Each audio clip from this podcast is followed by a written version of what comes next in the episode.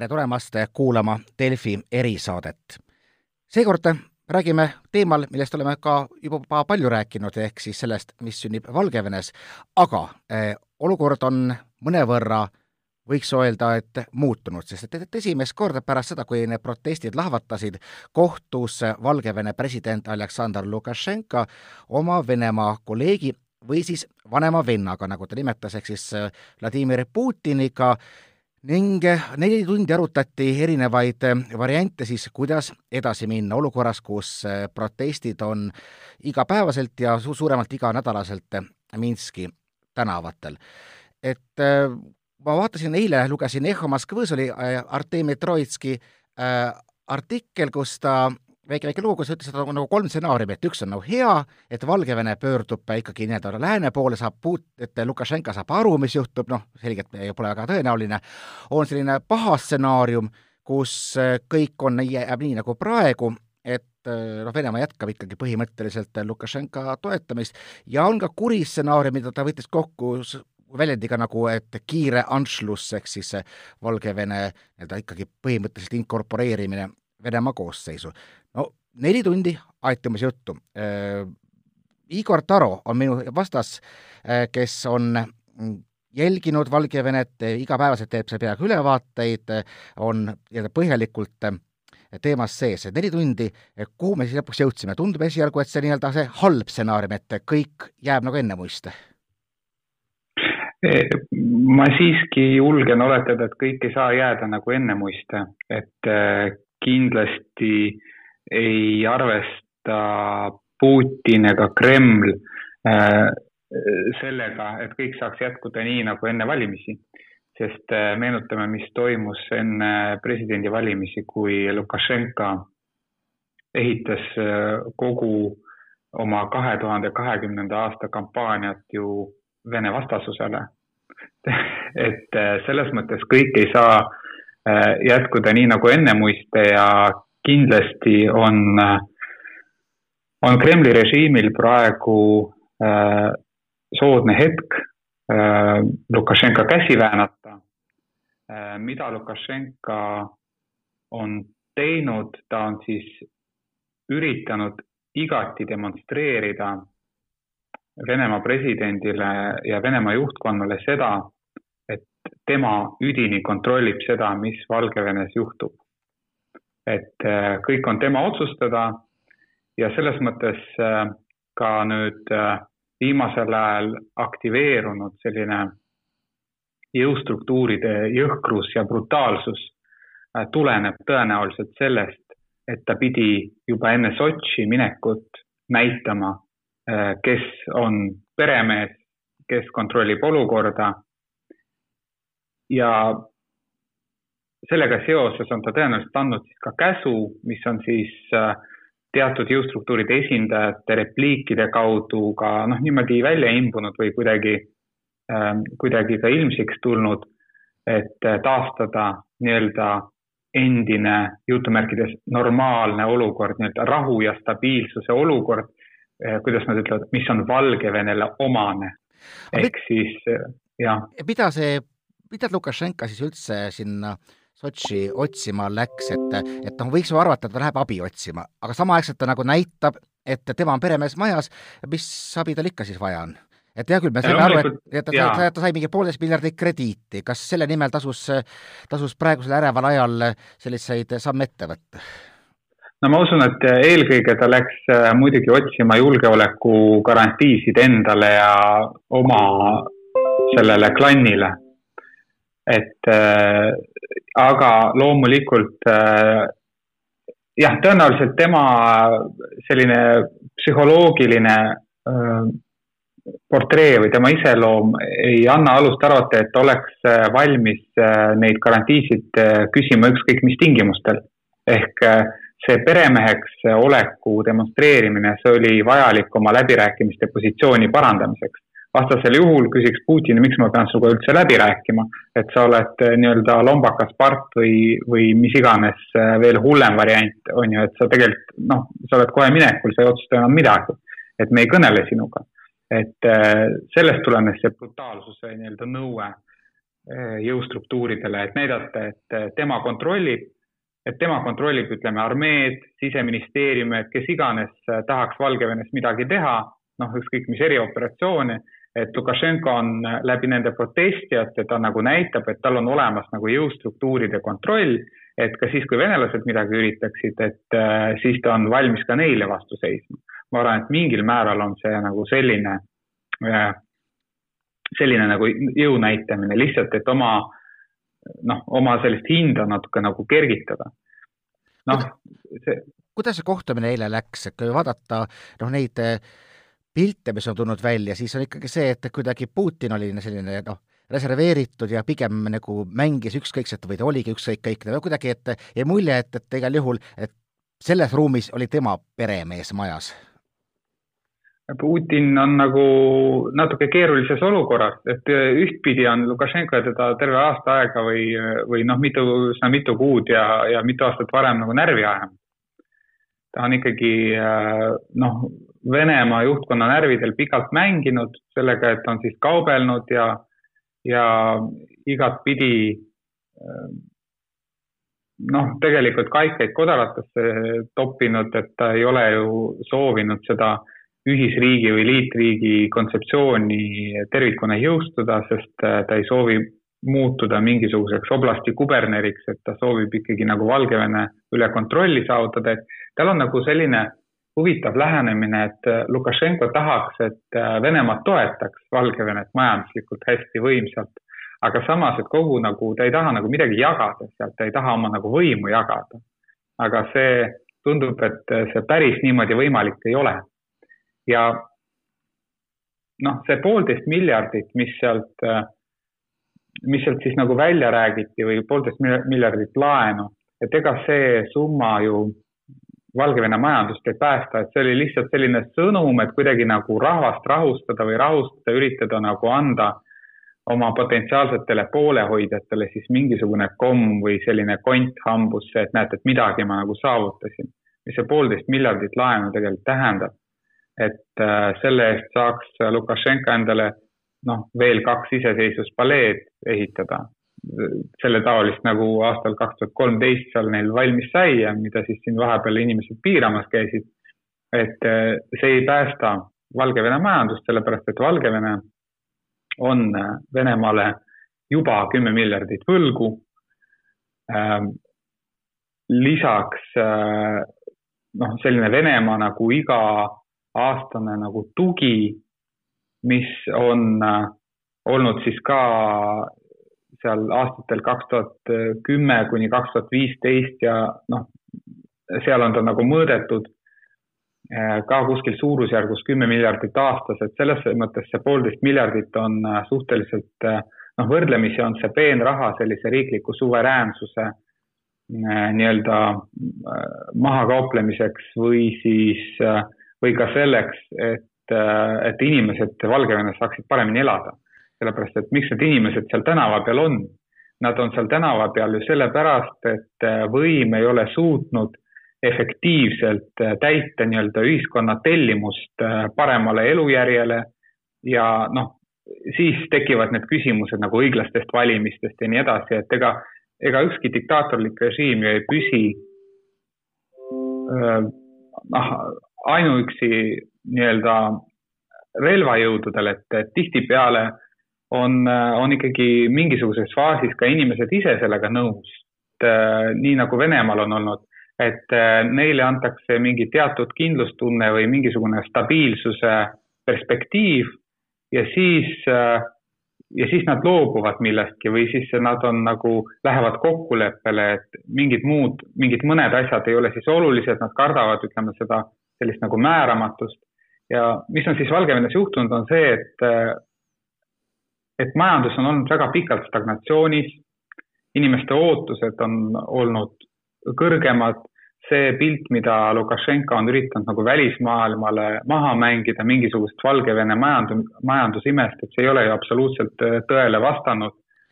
et äh, no neid just. repliike on ka praegu ju meeleavaldustelt kuulda, et, et no, et minu pension on sada dollarit, et mida te siin noh, no just, et, et, et, et panna, ütleme Eesti kuulajate jaoks asja perspektiivi. meil Päevalehes oli hiljuti lugu Anders Oslundilt, kes äh, tuletas meelde, et Lukašenka on seadnud eesmärgiks, et iga Valgevene töötaja teeniks umbes nelisada eurot kuus, aga et see on saavutamatu siht, et me umbes kujutame ette, mis, mis tasemel me siis Valgevenes oleme aga ma just mõtlesin, et enne kui me tänavale, tänavate juurde veel läheme oma jutuga, et lugesin ühte analüütikut, kes äh, selle kohtumise eel või seda kohtumist kommenteerides ütles, et Kreml mõtles üsna pikalt ja uuris, et huvitav, kas tal oleks panna Lukašenka asemele kedagi teist või, või kas see nagu, et ega Lukašenka ometi ei tee Janukovitšit, kes äh, otsustaval hetkel põnnama lööb. Ja et Kreml on nagu praeguseks hetkeks tundub, et saanud aru, et Lukašenkal on piisavalt otsusekindlust, et ta ei kavatse enda posti käest anda ja seepärast ka selline noh, ikkagi ta mitte väga ütleme, ütleme nii, et tänu sellele ei, võib-olla ei täitunud ka kõige hullemad stsenaariumid, mida välja käidi, samas see, mida Troitski ütles, et et nii-öelda kiire anšlus, vaid et just nimelt, et Kreml on aru saanud, et see, kui Lukašenka ütleb, et ta on majas peremees, siis Kreml üldiselt tema hinnanguga nõustub. kuidas sa, sulle tundub see? ma arvan, et äh, hetkel äh,, antud hetkeks on see selline ajutine olukord või ajutine lahendus siis äh, saavutatud. et äh, ma, ma usun ja, ja noh, on alust arvata, et Putini jaoks on see ka selline nagu ajutine lahendus, ebameeldiv mingis mõttes,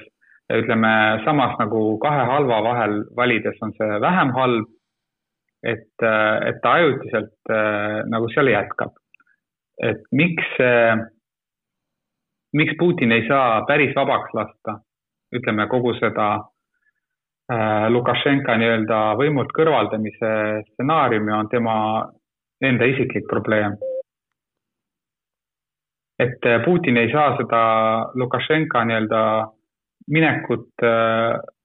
kaootilist minekut lubada, sellepärast et äh, ta ju mõtleb ka oma isikliku tuleviku peale. et kui äh, venelased peaksid nägema, et mitte ainult Ukrainas, vaid ka Valgevenes on võimalik see, et, et üks suur juht võetakse nii-öelda hukist maha, siis, siis võib see tekitada paljudes teistes inimestes igasuguseid mõtteid. mida Venemaa seal enne valimisi üritas? kahjuks ma nii pingsalt seda toona nagu ei jälginud, et praegu oleks äh, selles osas nagu täielik kompetents öelda, kuid äh, mõned sellised äh, vaatlejate mõttekatked, mis mulle on silma jäänud, viitasid sellele, et võimalik, et Kremlil tegutses enne tegutseb ka nüüd koguni neli iseseisvalt, iseseisvat meeskonda Valgevene suunal, kes, kes töötavad kõik täiesti nagu oma programmiga. et äh, üks programm on see, et äh, nii-öelda hoida Lukašenkat äh, kuigivõrd stabiilsena. teine programm on hoida tal nii-öelda ora ühes kohas, et tal ei oleks nagu liiga mugav kolmas programm on see, et äh, töötada juba mingisuguste uute ühiskondlike organisatsioonide, liikumistega, võimalike potentsiaalsete uute kandidaatidega, kes võiksid selle asja nagu Lukašenko järel üle võtta. et ega see, et Lukašenko pani vangi oma peamise rivaali juba enne valimisi, Viktor Babariko. Babariko, jah ähm, on ju erakordne. varem ta ei ole niimoodi tegutsenud, et ta on lasknud ikkagi nendel teistel kandidaatidel mõned hääled koguda ja siis pannud vangi. et äh,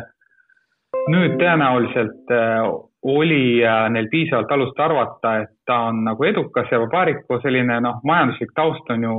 puhas, puhas Venemaa. Bell, Gazprom pank, et noh,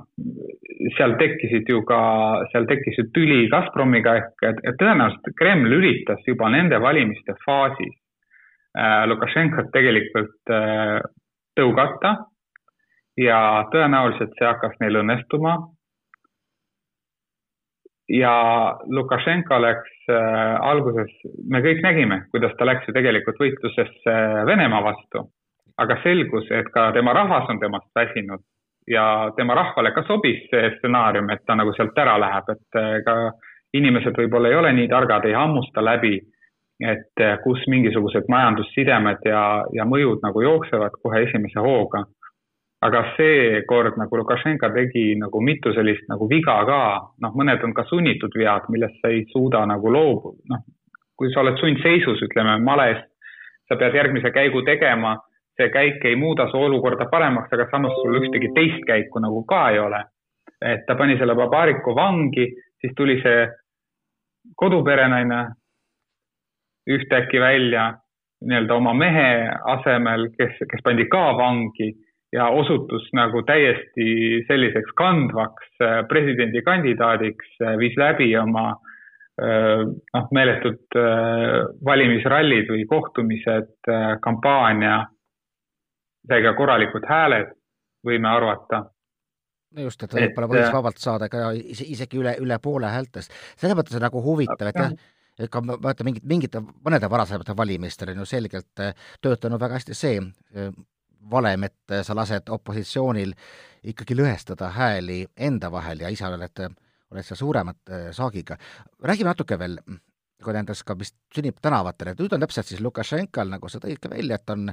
sõda kahel rindel, no Moskvaga nüüd ütleme, et on vaherahu, aga vaata, tänavad ikkagi veel keevad ja tegelikult me ju väga hästi ei tea, mis seal üldse sünnib, sellepärast et noh, meediaga on nagu on, Vene meedia ja, ja siis võib-olla Vene nii-öelda abijõud Valgevene enda televisioonis tegutsevad, teised on võimaluste piires kõik saadetud Valgevenest kaugele minema. aga siiski ma saan aru, et need et, et midagi pole nagu otseselt ka muutunud, et need, see hulk inimesi, kes tuleb tänavatele, on ikka sama ja samas jõhkrutsemine ja toorutsemine ja arestid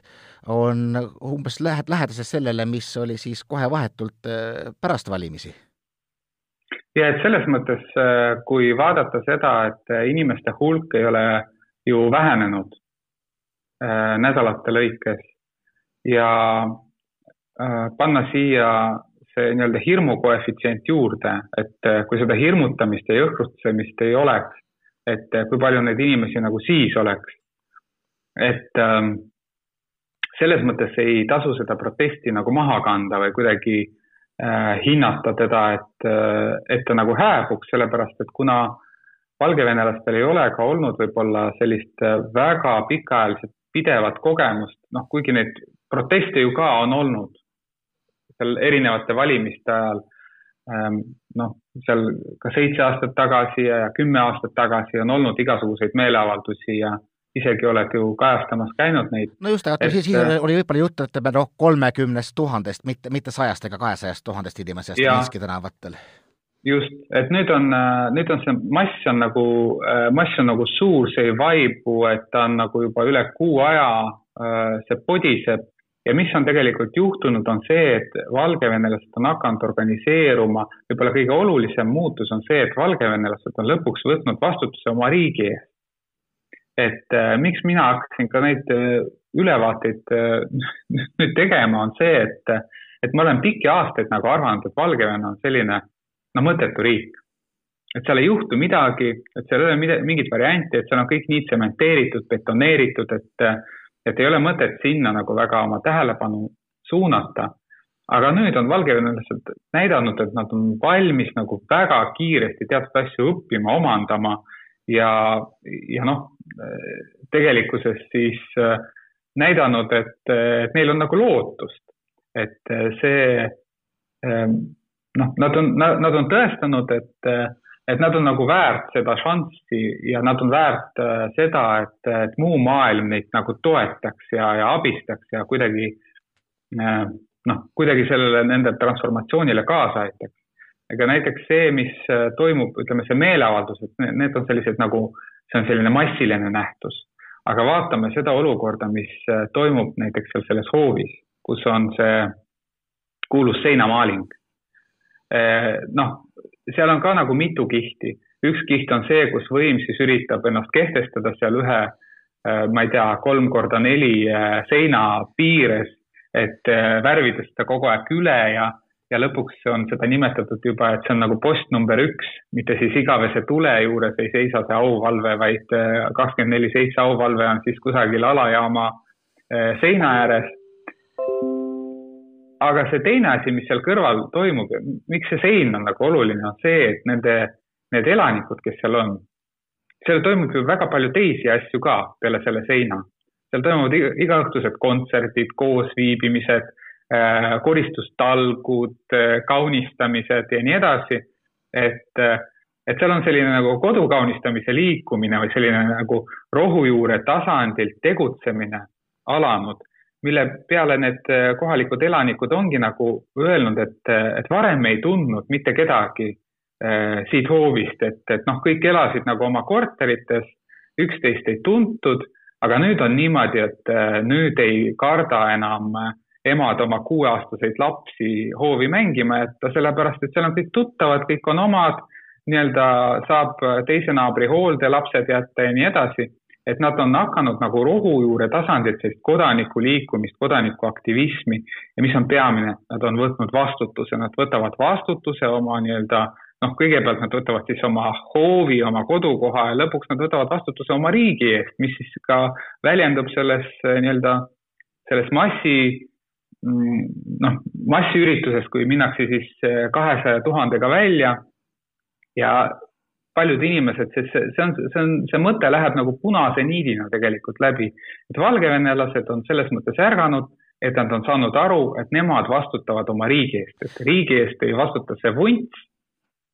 kes seal äh, kakskümmend kuus aastat on istunud, vaid nemad vastutavad. no seda on isegi tunda sellistes pisiasjades nagu, nagu võib-olla meile ka eestlastele läheb väga korda, et kui on miiting, siis prügi võetakse pärast kaasa ja see on vist ka see hetk, kus, kui näiteks viimase prügikorjajaid mõnikord arreteeritakse, noh, see on nagu see helgem pool, aga mõtle nagu, et huvitav, kui palju mõjub selline noh, ikkagi, ikkagi see repressioon, et üks on okei okay,, arreteerimised, aga siiski kui vaadata neid arve, see tõenäosus saada arreteeritud on märkimisväärne, aga mis võiks olla ka pikema perspektiiviga, mida vanasti kasutati ikkagi, et üliõpilased ülikoolidest välja, eh, noh, kindlasti saab inimesi vallandada, et kui palju nagu selliseid vastusamme sealt praegu tuleb? Ülikoolid on näidanud nagu äh, sellist äh, väga korralikku suurt solidaarsust. et äh, nii kui toimus üks juhtum, kus siis Valgevene või Minski riiklikusse lingvistilisse ülikooli tungiti siis nende jõustruktuuride poolt selle peale, et vestibüülis, koolihoone sees vestibüülis siis lauldi mingisuguseid laule tungiti ja, ja haarati sealt, arreteeriti siis mõned üliõpilased, siis äh, see solidaarsuslaine oli hästi võimas.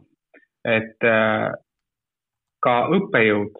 ei jäänud sellest kõrvale, mis on hästi oluline, et esiteks kõik äh, teiste ülikoolide tudengid tulid ju solidaarsusaktsioonidele välja, tegid oma mingisuguseid neid äh, noh,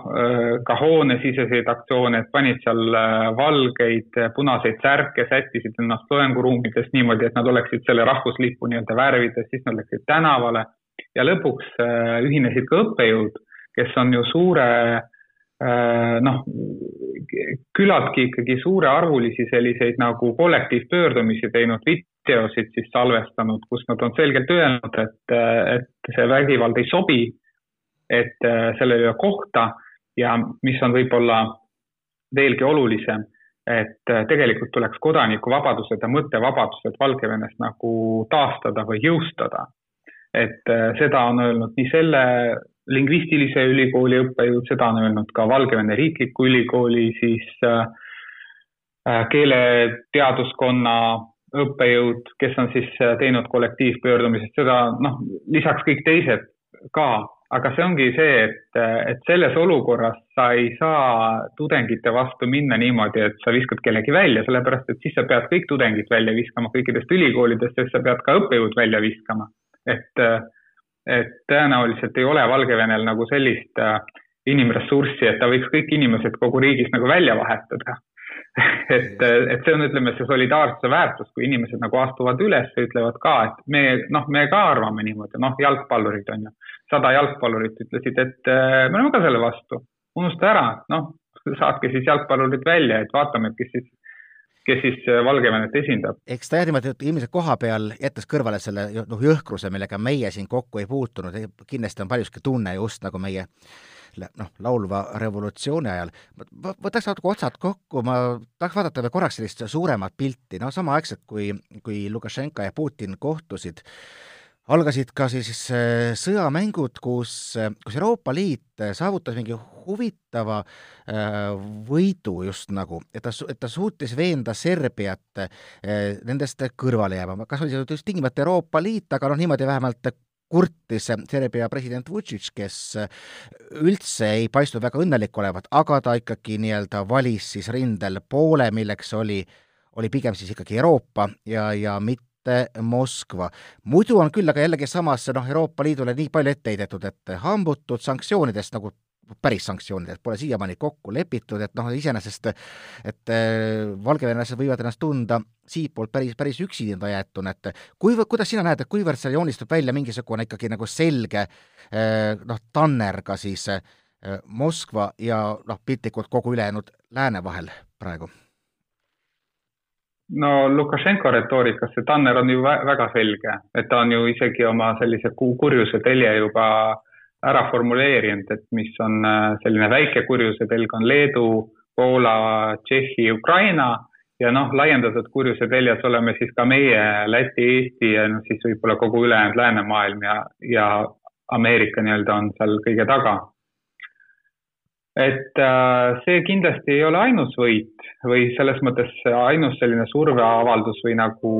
ütleme, punane kaart või kollane, mis iganes äh, Lukašenkale, et Serbia ei tule mm, nendele õppustele, äh, mille kohta noh, nad on ju öelnud, et see oleks praegu kohatu. tegelikkuses praktiliselt kõik suurüritused, suurmeelelahutusüritused, kontserdid kus pidid esinema äh, paljud sellised Venemaa äh, kuulsad pop- ja rokkstaarid, on kõik ära jäetud. ehk siis edasi lükatud ja need ei ole küll mingisugused sellised Venemaa põrandaalused või Putini vastased ansamblid. noh, vaid, vaid ikkagi see on ikkagi suhteliselt massiline olnud, äh, kus, äh, kus artistid järjest ütlevad, et äh, jah, me armastame valgevenelasi väga, me tahaks väga tulla Minskisse esinema, aga hetkel ei ole see aeg, praegu me ei tule. ja see on kindlasti Lukašenkale, ma usun, et väga valus, sellepärast et mis on Lukašenka eesmärk praegu, selline noh, hetke situatsioonis kõige olulisem on see, ta tahaks näidata, et äh, kõik on nagu vanasti, et kõik toimib. ja vot see, kus äh, keegi jätab tulemata, ütleme Soome hokimeeskond jätab tulemata, veel mingisugune asi jääb ära, on ju, võistlused, kontserdid, meelelahutus, tegelikult asjad ei toimi. et järelikult kõik ei ole nii nagu vanasti no üks asi, mis on ka muutunud ja kes on tulnud, on nii-öelda noh, see, mida meie ka siin Venemaal, Venemaa suhtes tihti, kas me just kardame, aga pidevalt juhime tähelepanu ohule, on siis nii-öelda eh, eliitpataljon propagandistidest, kes on võtnud üle Valgevene televisiooni, et eh, kus võib, võib juba lugeda, et on on ikkagi tulnud juba sisse sellist noh, nii-öelda puhast nii-öelda Venemaa eh, retoorikat Ukraina suunas ja puha, et on toimunud selline ühtlu-, ühtlustamine kui palju peaks, peaks seda kartma, et ikkagi mingi hetk äh, inimesed vaatavad televiisorist ja kui tehakse nagu head asja, mitte sellist nii-öelda minevikku Nõukogude stiilis televiisorit, vaid kaasaegset Venemaa oma, et noh, et, et äkki lollitabki veel ära? no selles mõttes, et ega, ega nad ei ole suutnud ju kõiki inimesi seal Valgevene televisioonis välja vahetada ja selles mõttes võib nagu tagantjärele targana öelda, et äh, Valgevene ajakirjanikud või see meediainimesed võib-olla ikkagi käitusid äh, natuke valesti, et nad äh, töölt ära läksid. et nad oleks pidanud ikkagi oma sõnumid edastama seal läbi selle meedia ja kasutama neid äh, töövahendeid, mis neil olid, et kui neid oleks siis otse-eetrist sealt nagu minema lohistatud või mis iganes, et see oleks hoopis teistsuguse mõju avaldanud, kui noh, ikkagi mul on ikkagi siiamaani meeles see, kuidas äh, kuidas aastal üheksakümmend üks äh, Vremja diktor oma ettevalmistatud paberit lihtsalt kõrvale viskas, ütles, et, et mina seda lollust enam ei loe. et vaadake, mis toimub õues, on ju, vaadake, mis toimub aknast väljas. et äh, see on ju loll jutt, mis siin kirjas on. Et, et nad, kahjuks nad seda nagu ei teinud, et, et nad tegid sellise nagu ajutise streigi, läksid välja, noh, nende uksekaardid pandi kinni, siis nad enam tagasi ei saanud ja, ja noh, täideti siis see eeter ära mingisuguste äh, lojaalsete nii-öelda Moskva inimestega. et aga samas, ega kaua sa seda paralleelreaalsust seal suudad, äh, suudad televisioonis mängida. Ukrainas oli ju ka niimoodi, et ega tükk aega ju Maidanil möll käis ja riigitelevisioon näitas, näitas hoopis midagi muud, üldse ei näidanud või siis ta näitas neid neid lavastatud Janukovitši neid kaledaid nagu kogunemisi, kus olid need inimesed olid nagu lambad kohale aetud, midagi nad ei tohtinud öelda, nad ei osanud midagi öelda, on ju. lihtsalt seisid seal nagu hall mass. et äh, samamoodi üritatakse ju siis äh, ka nii-öelda Lukašenko mingis toetusaktsioone teha selliseid, mis on niisugused ka sellised väiksed haledad ja aga inimesed näevad seda akendest. Et eh, kui sul ikkagi mass mööda suuri prospekte liigub, kui sul nagu keset pühapäeva kogu aeg internet välja lülitatakse, siis järelikult midagi on nagu valesti, midagi on teistmoodi ja kogu see vägivald, noh, kirjutasin seda juba kunagi seal augusti viimastel päevadel, et tegelikkuses režiimi olemus selline, et, et tegelikult ta kipub seda protesti nagu taastootma. ehk siis vägivald kogu aeg suurendab seda isikute ringi, kelle jaoks see asi on isiklik.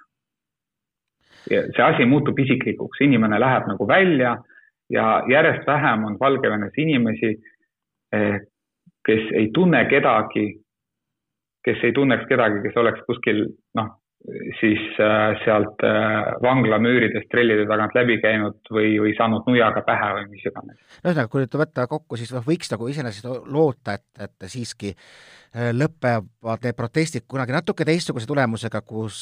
kui Ukrainas, kus pidi maksma päris suurt verehinda, noh pluss pärast vist tuli invasioon Venemaa poolt, aga jällegi, et, et see, see ei pruugi äh, üldse nii minna, et ütleme, see praegune suhteline rahulikkus meeleavaldajate poolelt noh, tegelikult ei pruugi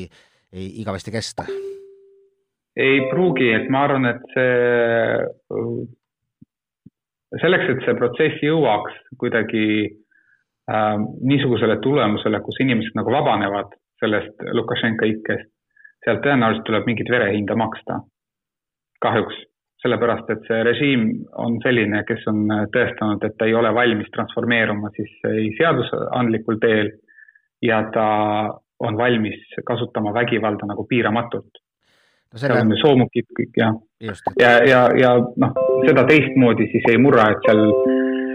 seal peab midagi juhtuma, midagi koledat, enne kui see asi nagu kokku kukub, et noh, teine variant on see, et rullitakse kõikidest nendest inimestest üle noh, ega see ka vähem valus ei saa olema nende jaoks. vot selliste tõdemustega lõpetame, et valikuid on palju halbasid, millest mõni võib-olla viib siis ka ikkagi lõpuks Valgevene rahva vabanemiseni. ait-, suur aitäh, Igor Taro, meiega ühinemast, jälgime seal edasi, nagu me tõdesime, siis ilmselt seda võib-olla vaja karta, et protestid hetkel lihtsalt ära väsiksid, et noh, ilmad ka väga külmad ka veel ei ole ja või, või, või siiski võib juhtuda ka selline nii-öelda visisev stsenaarium, et noh, lõpuks ongi kõik jah, karta, ilmade pärast küll ei maksa karta, sellepärast et Ukrainas toimus kõik ka väga suure külmaga ja hoolimata sellest, et üritati meeleavaldajaid ka kasta sel ajal külma veega, mis, mis ju muutus kohe jääks, et selles suhtes, kui inimeste selline noh, kui inimesed on juba äh, piisavalt ärevad ja piisavalt nagu ärritatud, siis äh, mitte mingisugune külm ilm neid äh, tegelikkuses ei peata. et äh, mis on selge, on see, et jah, et see protsess ei pruugi nagu kohe jõuda mingisuguse tulemuseni. et seal küsimus on see, et kas on õudne lõpp või on lõputu õudus. et et Poola näide, kus solidaarsusliikumise asutamisest möödus siis riigi vabanemiseni seitse aastat, siin tõenäoliselt ei toimi, sellepärast et äh, Poolas ei olnud sellisel kujul vägivalda, võim oli valmis siis kuidagi nagu muutuma pika aja peale küll. et seal, kus võim kasutab vägivalda ja hoiab, ütleme, kõiki aurukatla ventiile väga tihedalt kinni, siis seal toimub see plahvatus nagu järsemalt eks jah, neid teid saab olla palju erinevaid, küll on räägitud täpselt Poola teest, on räägitud Ukraina keel teest, on räägitud ka Venezuela teest, küllap tuleb ka Valgevene tee tegelikult veel hoopis eripärane. veel kord suur aitäh Igor Tarole!